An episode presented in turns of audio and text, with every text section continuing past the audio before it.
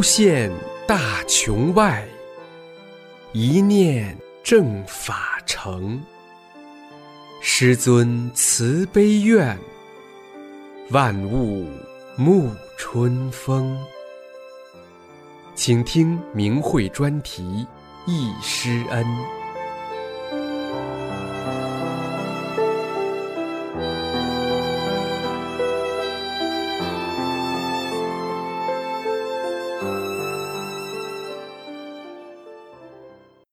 请听明慧忆师恩专题文章：参加师傅郑州传法班的经历。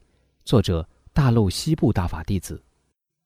十几年过去了，参加伟大师尊郑州传法教功学习班的情景依然历历在目，铭心难忘。近期看到许多同修忆师恩的文章，引起我的共鸣，要把自己珍藏的美好记忆写出来，与同修分享，并谢师隆恩。大法红传。众望所归。一九九四年六月十日至十八日，师傅在郑州举办法轮大法学习班。月余前，我已经向主办单位郑州市气功协会汇去了五十元学费。六月十日那天一大早，我就赶去报到。拿到学员听课证时，得知师傅受郑州各界恳请，决定就在十号下午举办一场法轮大法报告会。这样，在学习班之前。我幸运地先聆听了师尊当天的那场报告。我提前二十分钟到场，看到报告会会场人已爆满，只有会场中间人们自动留出了一条小道，通到讲台边。我找到一个位置坐下，心想自己还从来没有遇到过这么多人、这么挤的会场，同时又感到了一种从未有过的安详和宁静。会场是一个五十年代修建的，中间仅有个篮球场。四边各有十几层台阶的那种旧式废弃了的体育馆，大家都在恭候师傅的到来，非常准时。坐在后边的人开始往前传话：“师傅来了！”大家不约而同纷纷从地上站了起来，热烈鼓掌欢迎师傅。师傅高大英俊，离我们很远都可以看到。师傅从我面前经过时，侧手微笑，使我顿感一股热流通遍全身。师傅站在讲台上的第一句话就是：“现在开始讲课，没有任何一点常人的客套。”师傅在课堂首先讲的就是：师傅要把真善忍的美好带给全人类。师傅要做的事，就是要让坏了的、应该扔掉的烂苹果变成好的、完全新鲜的苹果。师傅说：“对这件事完全充满信心，一定会做到的。”师傅的话迎来了一阵热烈的掌声。师傅又满怀信心地告诉人们：“道德回升，万物更新，大智者得正法，成正果，升华上去是必然的。大法红传定会全面净化宇宙社会环境，使人们明白法理，做个好人，健康生活，服务社会。”师傅讲了三个小时，特别提到，这么高层次的佛家大法修炼学习班，绝不可能这么长期办下去。郑州学习班后，再办济南班和大连班，之后计划不再办班了。九五年以后要到世界各地去讲法，因为全人类各民族都应该得度。到国外也不会再这样讲法传功办班了，只是做辅导讲法。参加学习班的学员要珍惜今天所得。大家对师傅的报告不时报以长时间的热烈掌声。郑州市气功协会及当地有关负责人在报告会的致谢词中，一再感谢李老师给当地民众、社会带来福音，并用最美好的语言预祝学习班圆满成功，并且对在废旧体育馆办这样高层次的学习班，人气这么兴旺，很感动，也一再表示谢意、歉意，并当场知会所有参加学习班的学员，在旧体育馆学习两天后。第三天一定会在新体育馆上课。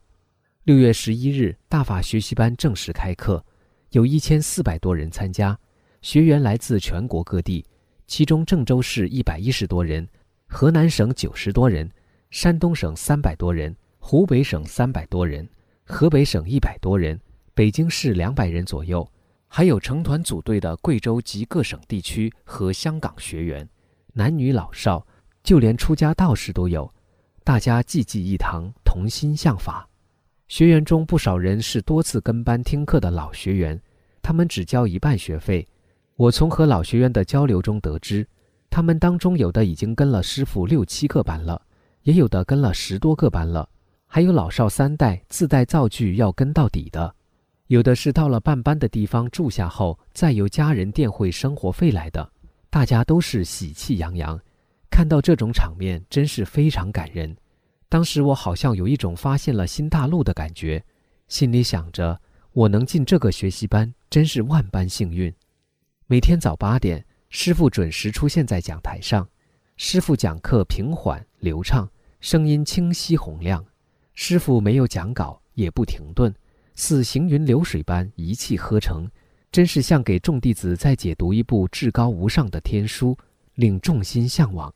当我刚拿出笔想记点什么时，就听到师傅说：“你们不要记，会影响听课。”遵师傅教诲，方静下心来听讲。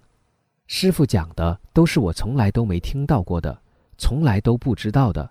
每个人都全神贯注，好像一切都不存在了，只有师傅的声音在脑际回荡。第一课听下来，思忖良久，我终于明白了，师傅渡人的能力和威德，世间已无人能及。师傅所讲的法，绝不是随便谁能讲得出来的。我心已定，好好学，坚定修炼，同化大法，少走弯路。六月十二日以后，就改成了上午自己练功，下午两点半听课。师傅每天讲课两个多小时，中间休息十五分钟。中间遇到星期天上下午都讲课，师傅说很多人要上班，请假都很不容易的。我觉得老师为学员想得真周到，很感激。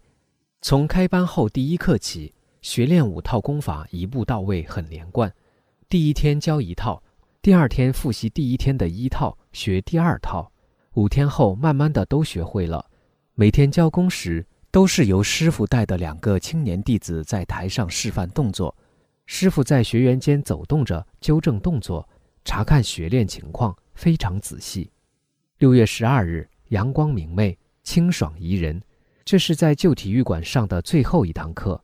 开课后，师傅说了要讲的内容，突然说了一句：“我看到很多学员是有病的，现在我就给大家治一下病。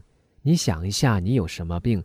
不要多想，半秒一秒就行。”当时我没反应过来。想不起自己有什么病，就想让妈妈的眼睛好。师傅叫大家随师傅的口令，男左女右跺三脚后，师傅说：“也许有人刚才没听明白，我们再来一遍。你想一下，你有什么病，或你的亲人有什么病？我还是想让我妈的眼睛好。”大家坐好后，师傅开始讲课。大约过了四十分钟，明亮的天空突然黑了下来，大风骤起，电闪雷鸣大作。接着，直径两厘米大的冰雹从四边的破窗子砸了进来，到处飞滚。灯熄了，随即倾盆大雨倾泻到房顶上，靠窗边旁的人开始移动。这时，听到老学员提示大家要稳住，大家又静下来了。这时，只见师傅一动不动地静立着，突然一挥手，所有的灯全亮了，真是不可思议。那么恶劣的天气，风雨交加，雷电闪烁。谁能修复电路呢？在暴雨冰雹狂砸屋顶的轰响中，只见师傅双手又做了一个快捷而漂亮的动作，像是抓到了什么东西，往桌子上的饮料瓶里一放，盖了起来。这时我看到那瓶子居然在桌子上跳动，师傅好像说了句什么，随即用手往瓶子上一按，瓶子不再动了。雷电瞬间停息，风戛然而止，只剩下雨的刷刷声。师傅沉静地大声说了一句：“现在开始讲课。”师傅的声音在馆内回旋，清除了所有的干扰。馆外的天慢慢放晴，师傅的讲法不断地博得一阵阵掌声。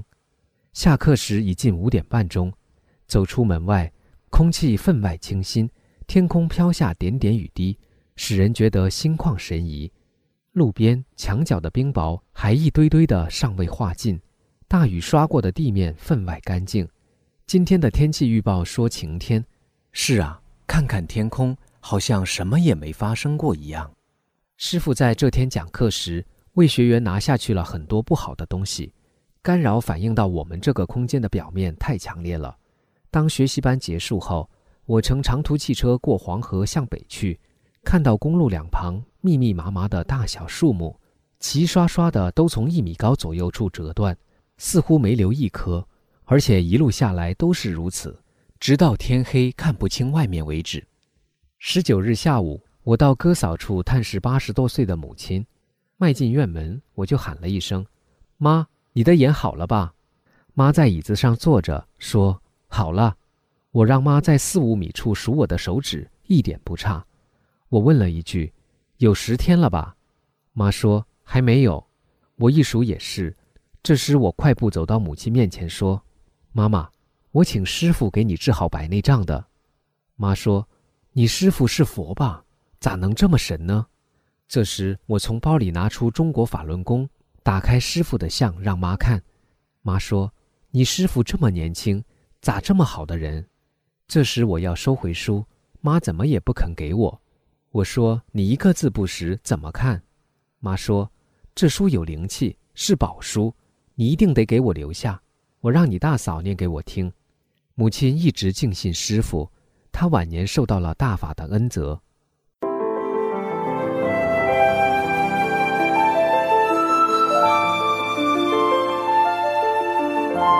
您现在收听的是明慧专题。一师恩，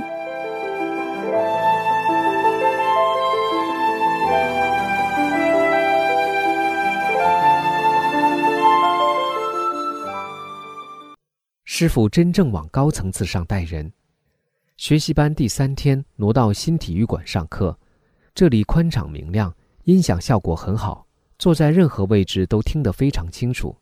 师傅传大法于我们，开宇宙亘古未有之先例。改天换地，运用真善忍的最高佛法来唤醒我们迷失在名利情中、坠入地狱当口的芸芸众生。师父第一次明确告诉我们，自己都是从天上掉下来的，越下落越迷失，罪业深重。没有师父传大法度我们，我们就谁也回不去了。师父讲，在十堂课中要把高层次的理都阐述出来，我们才能够修炼。并还让我们明白，练功重在心性修炼，向内找自己的不足，修在自己，功在师傅。师傅在课堂上特别告诉我们，师傅讲课时打出的能量很大，实践证明办七天班不行，有的人反应太大受不了。为了给大家节约时间，办八天班还比较合适，不能再少了。师傅说过多少年后，你都会发现，这里我讲过课的地方。墙壁上还会有很大的能量存在，在学习班上，师傅给真修弟子的东西是很多很多、很全面的。当然，首先弟子要信师信法，要有往高层次修炼的愿望，这一念最珍贵。师傅要的是弟子们的得正法、成正果的坚定的心。师傅给弟子的是历史上修炼者可望而不可及的宇宙大法，谁悟谁得。心存谁能修得上去呀的人，是什么都不会得到的。我们在心里叫师傅的时候，是绝对不能有请师傅给自己去病那一念的。欲正其心，先正其念，这一念之差就会天差地别。师傅在讲课中让学员平伸出手来，掌心向上，叫大家都来感觉一下法轮在掌心旋转的感觉。大家都异口同声，一个有字声震九霄。当听到师傅讲要把我们每个学员都当做弟子带的那一瞬间，我心潮激荡不已，两行热泪滚滚而落。因听课前我一直在看《中国法轮功》这本书的章程中提到，法轮功弟子必须有本功法掌门人师傅亲自考察两年以上合格才行。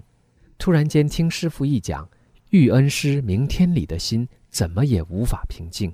后几天的课越听越想听。越听越爱听，越听越明白，越听越清楚。郑州学习班是我第一次参加的大法学习班，交流中我结识了全国各地的一些老学员，一些地区的大法负责人都给了我许多帮助。真正融入法中，就会体现到一种常人无法享受到的美好感受。这里是一片净土。当听师傅讲法，我觉得一直都像在说我。宏大的法理教我做好人，做修炼人，做真修弟子，勇猛精进，不断升华。得法前一次出游，遇一云游道长，他对我讲：“那么多人，我只叫住你，咱俩有缘，我在此等你多时了。你要记住，你将来是佛家中人，你是神，不是人。可你现在是人，很快将有高师带你，并在一张纸上写了些什么，叫我以后对照看。那时听道长说我是佛家中人，我并不以为然，显得无奈。”因我那时并不愿接受佛教，总觉得那乱七八糟的不是个味儿，并不知佛教代替不了佛法。只有见到了师傅，我才真正弄明白，佛教仅仅是佛家无边大法中很小很小中的很小部分。主佛下世，红传宇宙大法，惊动了整个天体宇宙大穷和众生。师傅说，释迦牟尼当年对弟子多次讲过，末法末劫时期。法轮圣王将下世渡人，师傅并反复提醒我们：师傅在做这件事情的时候，层层转世、层层下走的前后，连最细微变化都清楚的佛道神，他们都知道了，都跟下来了不少，都是为这个法而来的。今天的大法弟子，不正是当初随主佛下世得法而来的吗？从师傅讲天幕的那天起。我就觉得师傅一直不停地给我往身上加东西，整个人体觉得每天都在膨胀，一股一股的能量充满了全身。我平时是个非常不敏感的人，师傅在班上就改变了我。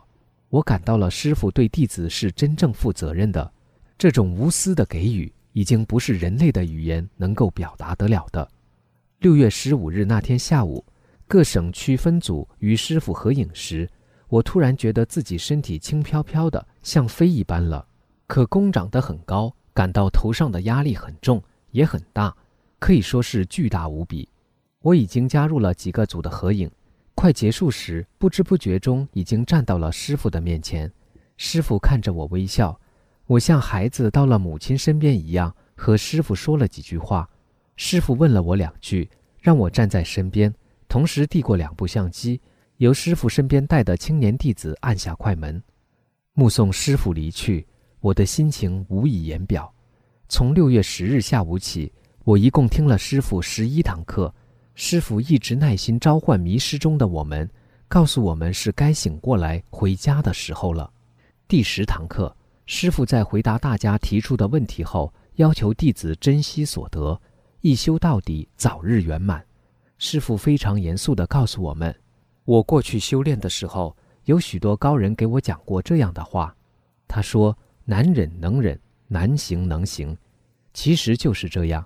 不妨大家回去试一试，在真正的劫难当中或过关当中，你试一试难忍，你忍一忍，看着不行，说难行，那么你就试一试，看到底行不行。如果你真能做到的话，你发现真是柳暗花明又一村。师傅这段话已永远印在我心中。学习班最后结束时，来自郑州市各界的高度评价、谢意和祝贺，给师傅褒奖的鲜花和锦旗满台，如花似锦。当主办方宣布结束时，师傅从讲台上下来，和大家一一握手道别，直到学员散尽，师傅才离开。最后由大法研究会主持，召集各地联系人开了一个碰头会。由此，我得以更快、更好地融入了大法弟子弘法的整体行列。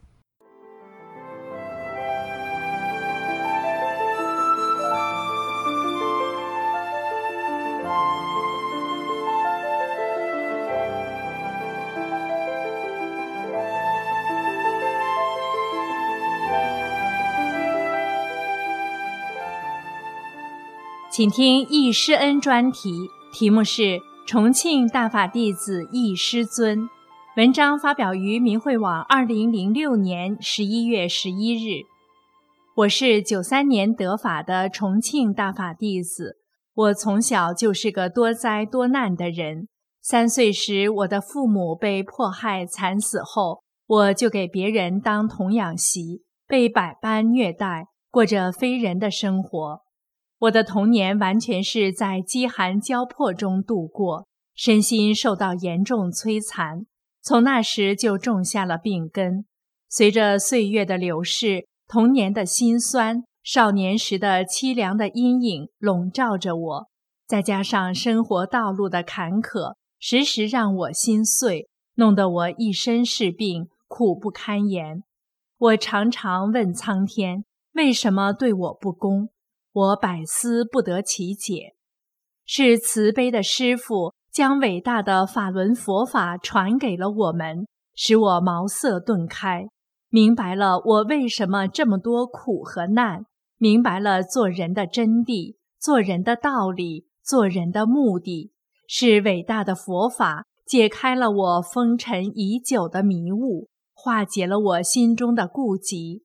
是伟大的师父将我从地狱捞起、洗净。给了我崭新美好的人生，我从此再没有悲和苦、怨和恨。回顾九三年初得法的一幕幕，记忆犹新，早已铭刻我心中。记得那是九三年九月十二日，一位邻居同修告诉我，他刚听完李老师的代工报告，他买了本《中国法轮功》，又说明天就开班。他还说些别的，因我曾学了几种假气功被骗了。当时我听了，并没有想进班的念头。次日下午，我忽然想到，我一直都在寻找高功夫师傅。如果这个李老师是高功夫师傅，我不学他的，不就可惜了吗？傍晚，我就去把书借来翻开一看，就被书中的内容所吸引。一口气就看了三十九页，天哪，这完全是泄露天机！到哪里去找这么好的功法啊？这正是我要找的。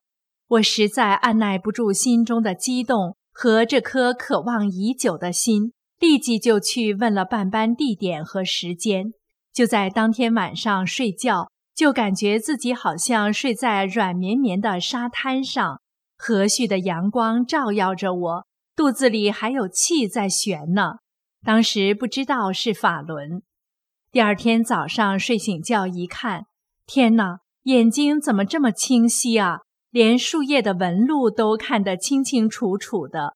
我是白内障病退的，头也清醒极了，不像过去那样一起床就昏昏沉沉的。十四日我就进班了，刚一坐下就听师傅说。你以为是你现在想来就来了哇？是在另外空间里早就安排好了，你会来的。师傅讲的每句话我都仔细听。当天课结束后，我请师傅签字。我问师傅：“李老师，我现在学法轮功了，我以前学的功还练不练啊？”师傅说：“我教给你大学的东西，你还读小学课本干什么？”师傅签字时，刚写了一个字就拉闸了。当时我想，这么漆黑，老师怎么写呀？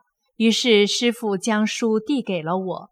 我拿到外面亮处一看，师傅的名字、日期都写得很工整，心想这老师真不简单。因同事告诉我，前一天师傅下了法轮，我没来，于是我跟在师傅后面走着，问师傅。李老师，你昨天下法轮，我今天才来，我还得不得得到法轮啊？师傅听了，仰天大笑，笑得那样开心爽朗，仿佛宇宙中所有的生命都在欢笑。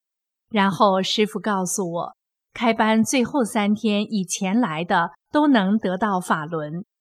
后来通过学法，我才知道师傅为什么笑。其实我在头一天看书。就得到了法轮，我还不知道呢。师傅的一举一动一笑，其内涵都是很深的。我在当天听完课回家的路上，和同修说：“根据师傅今天讲课的内容，我联想到八年前的一个梦和我大哥的死。梦中一位白发老人说：‘我家前世欠了一家姓张的钱，这事要我们偿还。’”我家有三个人要得食道癌死，并说出了三人的名字。现在大哥已兑现。其实我的喉部早已疼痛久治不愈。我便和师傅的法联系起来，想我说：“但愿这李老师是活神仙，帮我还了前世欠下的债。”同修连忙说：“他肯定会帮你。”我刚走到家，把书往桌子上一放，忽然感到左边脖子恶痒恶痛。我用手一摸，一个大疙瘩长了起来，奇痒无比，连带刺痛。仿佛是从很深处发出来的，三天三夜不散。我知道这是师傅帮我还债呢。我听完第五天课，走出课堂时，突然感觉不痒不痛了。用手一摸脖子上的疙瘩，平复了，就像什么事都没发生过一样。就在学习班结束后的一个多月里，有一天打坐，我发现左喉部有堵的感觉。连呼吸吞水都堵，我明白师傅讲的消业的法理，自己得承受一点难，所以一点也不害怕，不动声的继续练功。一星期后彻底消失。在师傅传法的日子里，我一进班就感觉一身轻，缠身数十载的十余种疾病不翼而飞。师傅讲的法理句句浸透我心田。就像干枯的禾苗得到了雨露，又像迷途漂泊的孩子找到了回家的路。我的心成天沉浸在幸福和激动之中，无以言表。师傅讲什么，就在给我们做什么。当师傅讲到治病问题时，大家就闻到一阵阵浓浓的中药味、西药味，别提多难闻了。当师傅讲到老年妇女需要精血之气修命时，话音刚落，我单位一老年同事就恢复了例假。那个时候，我听课多半都是坐在前排正中对着师傅。开课前，我和同修闲聊，他说昨天听完课，在回家的路上边走边想，李老师好好啊，感觉上楼一点不累，轻飘飘的。走到顶楼，才发现多走了两层。刚说到这里，师傅就出场讲课了。讲着讲着，师傅就讲：有的人回家感觉一身轻，上楼就像有人拖他一样，自己的家门走过了都不知道。师傅接着又说：有的人从小没了父母，吃了不少苦，遭了不少罪，就像针对我讲的一样，讲得我泪水连连。在这人世间，唯有师傅一人才了解我。当时我只感觉这个师傅太神奇，太了不起。每当我回忆起师傅传法的日子时，心里就无比激动。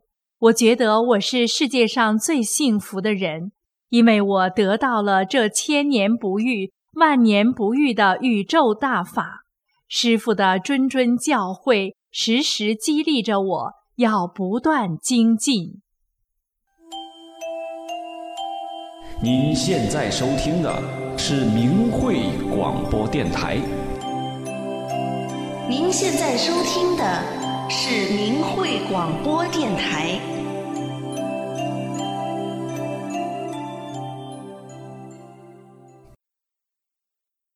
请听易师恩专题文章。明慧网两千零四年三月十三日发表。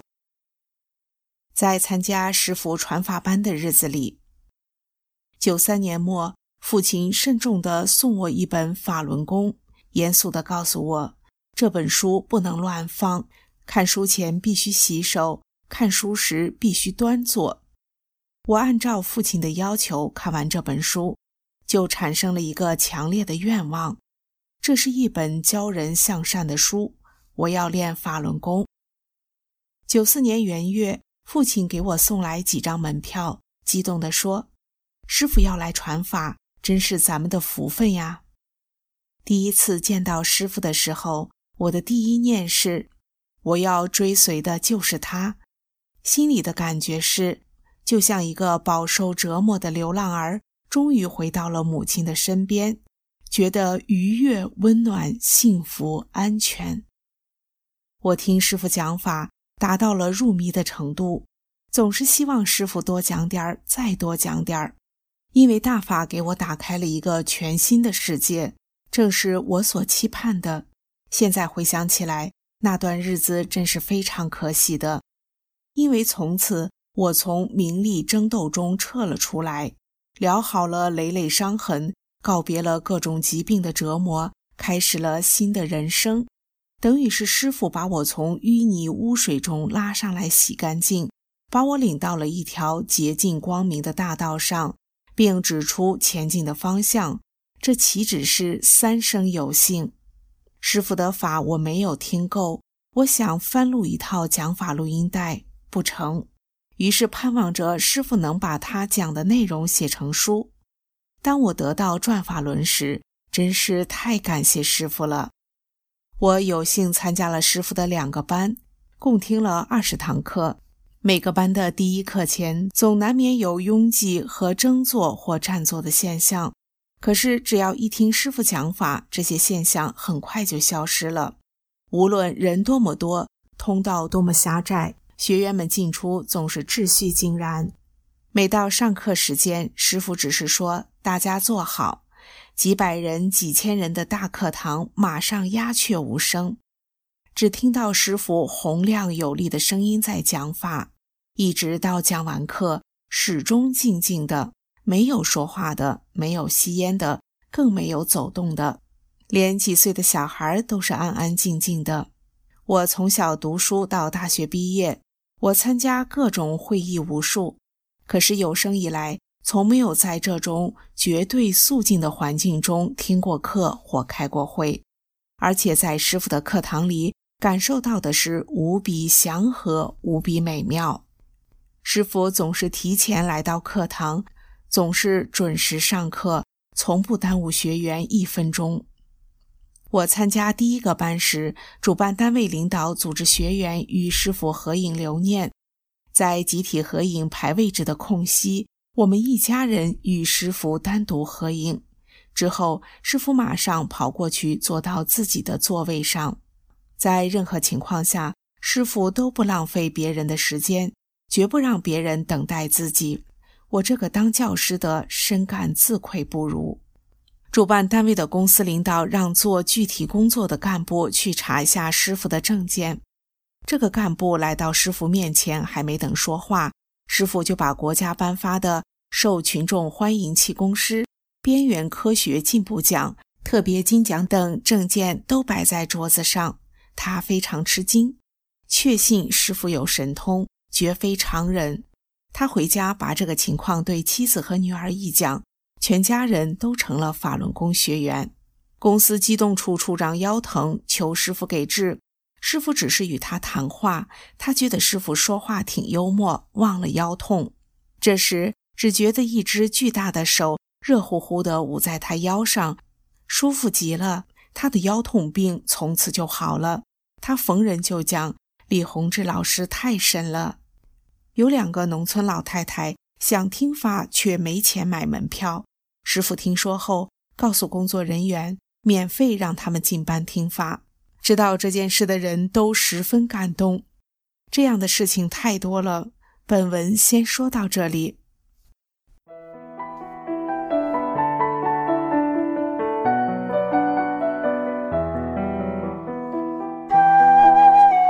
您现在收听的是明慧专题《易师恩》。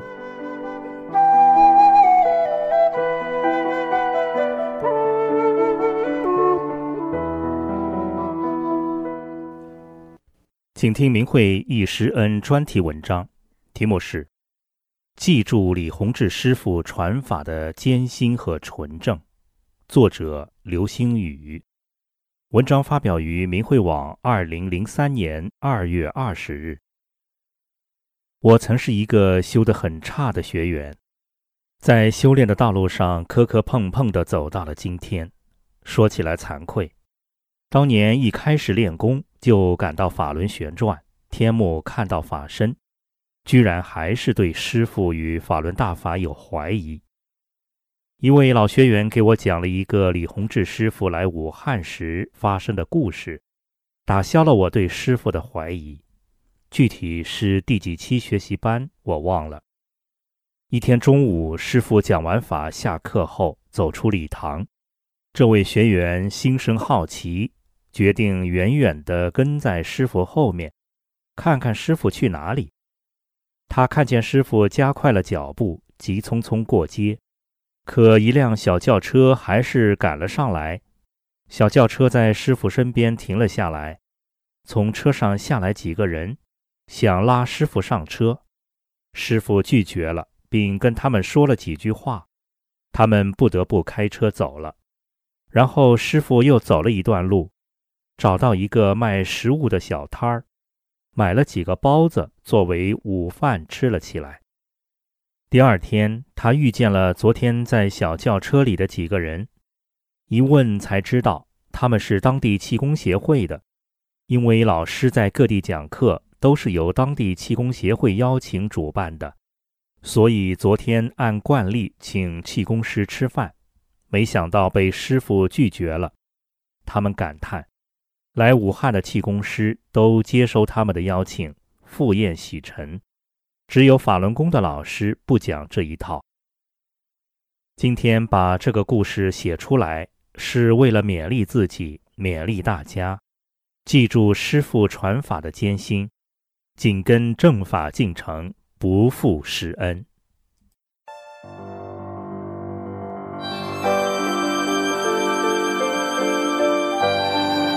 这次的易师恩就到这里，谢谢收听。